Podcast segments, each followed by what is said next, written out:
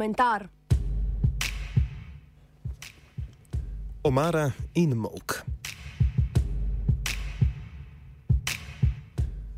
Se še spomnite skrivalnic in iskanja skrivališča, v katerem bi vas našli najkasneje?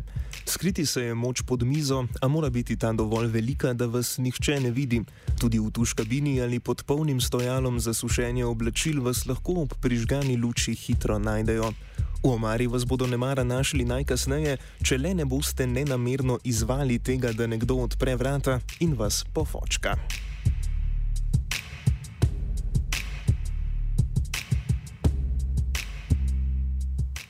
Omara se danes uporablja kot prispodoba razkrivanja posameznikove spolne usmerjenosti.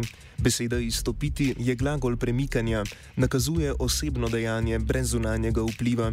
Izstopiti iz omare v prenesenem pomenu torej pooseblja dejanje posameznika, ki zavestno odpre vrata omare in se osvobodi lesenega okvirja, ki mu onemogoča neovirano udružbljanje.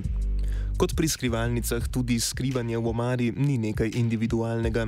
Dejanje skrivalnic v omari povzroča zunani dejavnik, v primeru skrivalnic iskalec in v primeru spolne usmerjenosti družba. Individualen akt je izstop iz omare, ki v fizičnem ali simbolnem pomenu nastopi, ko vas iskalec ne najde ali ko vam v omari postane pretesno. Če vas iskalec pri skrivalnicah najde, ste vi na vrsti za iskanje, če pa nekdo drug razkrije vašo spolno usmerjenost, pa ne iščete, temveč je igra zaključena.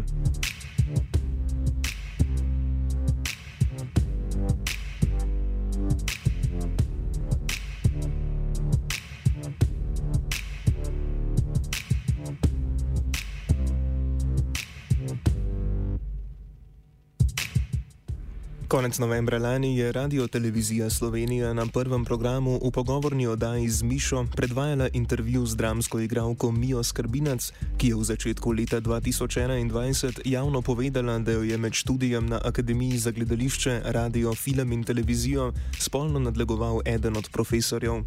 Pogovor o igralkini boleči izkušnji in njeni karieri, ki ga je vodila prekaljena Miša Mok, je brez premišljenega konteksta zavil na stran pota. Miša Mok je namreč po ogledu izseka kratkega queer filma Sestre, v katerem je imela Mija Skrbina eno od glavnih ulog, igralko kot strela z jasnega vprašala, kako svobodno vi živite svoj spol, in dodala, tudi vi ste lezbika. Nadaljevanje intervjuja pa je bilo zaradi igralkinega negativnega presenečenja ovito v ozon nerodnosti. Sicer lahko voditeljici oddaje očitamo tudi površinskost. Režiserka filma Katarina Rešek Kukla navdiha namreč ni iskala v lezbištvu, temveč v fenomenu sodobnih virgin na Balkanu, žensk, ki prevzamejo moški družbeni spol, kadar v dedni liniji ni moškega potomca.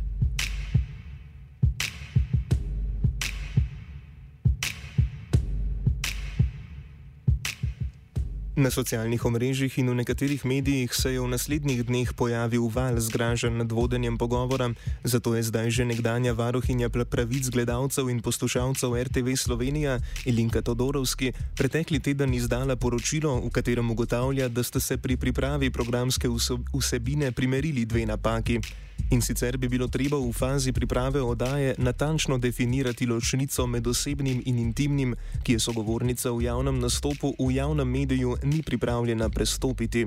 Poleg tega bi se morala Miša Mok o potencialno sporni vsebini, ki bi iz katerega koli razloga lahko imela velik odmev in še zlasti, če bi lahko pomenila prestopanje etične meje, posvetovati z urednico informativnega programa.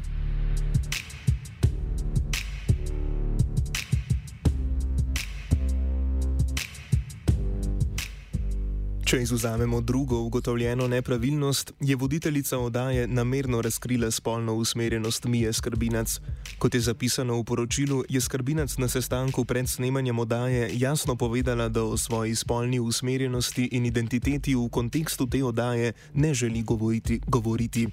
Miša Mok je tako iz pogovorom, v katerem je beseda po večini tekla o renljivosti žrtve spolnega nadlegovanja, naredila medijski spektakel.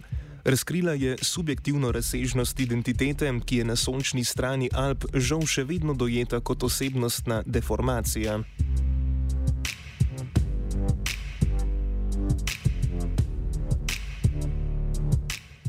V bistvu ni pomembno, ali je Mija Skrbinac že kdaj javno govorila o svoji spolni usmerjenosti. Ravno tako ni pomembno, ali je bilo razkritje Miše Mok dobronamerno. Razkritje spolne usmerjenosti v pogovoru je namreč sledilo predvajanju izseka iz queer filma, ki ga nikakor ne moremo enačiti s filmom z lesbično vsebino. Na tem mestu moramo novinarsko namero o koherentnosti ali toku pogovora vsekakor označiti za neokusno posploševanje spolnih identitet.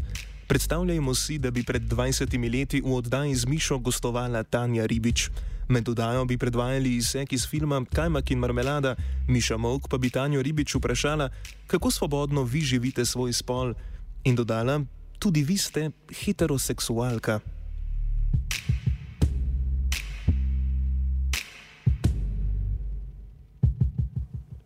Razkritje spolne usmerjenosti na nacionalni televiziji nikakor ni simbolno dejanje podpore drugače spolno usmerjenim oziroma spolnim manjšinam ali simpatiziranja z njimi.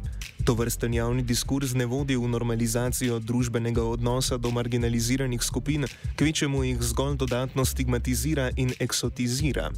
Javno razkrivanje spolne usmerjenosti, ki je jasno zaznamovano s heteronormativnim glediščem, pa zaradi domneve, da bo s tem svet bolj sprejemljiv, ustvarja javni spektakel.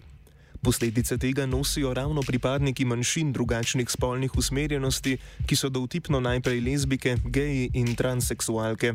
Kot da struktura zapostavljenost in zakonska diskriminacija nista dovolj, je posameznik za zmeraj označen s kategorijo, ki zaradi teže tujosti v družbeni percepciji prekaša vse ostale prvine identitete.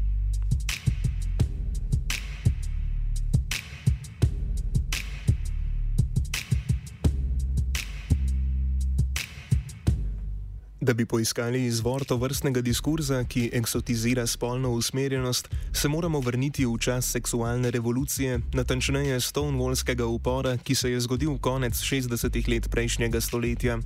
Med cilji tega gibanja je bilo tudi to, da razkritje ne bi vodilo v eksotizacijo posameznika. Protagonisti gibanja, ki je izpodbijalo heteronormativen in konzervativen odnos do spolnosti, so zahtevali ravno izstop iz omare, sestavljene iz tradicionalnih norm in vrednot. V zahodnem urbanem svetu se je vsakršna spolna usmerjenost začela potihoma tolerirati, od tu naprej pa je bilo storjeno bore malo.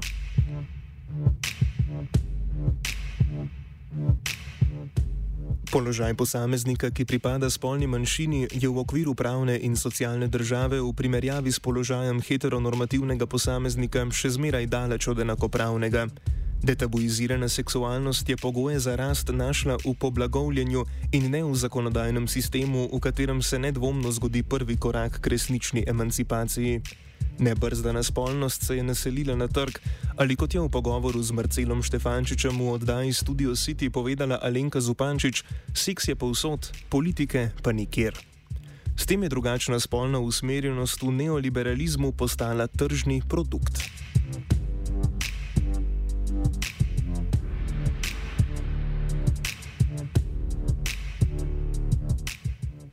Strpen družbeni odnos se je v veliki meri uveljavil samo s poblagovljenjem, z nevidno oznako eksotičnosti, zlasti v zabavni industriji in medijih. To lahko najbolje ponazorimo z današnjo filmsko produkcijo. Nemalo serij in filmov, ki upodabljajo sodobno življenje na Zahodu, zvesto sledi pravilu vsaj enega lika drugačne spolne usmerjenosti. Vsebinski domet te vloge pa je omejen na stereotipna izhodišča. Posledično se je normalizacija zgodila in se dogaja tudi v družbi sami, a le do meje deklarativno liberalne strpnosti. Večina prebivalcev velikih mest Zahoda je strpna do vprašanja spolnih manjšin, a so pripadniki teh v očeh večine dojeti kot eksotični in ne samo drugačni.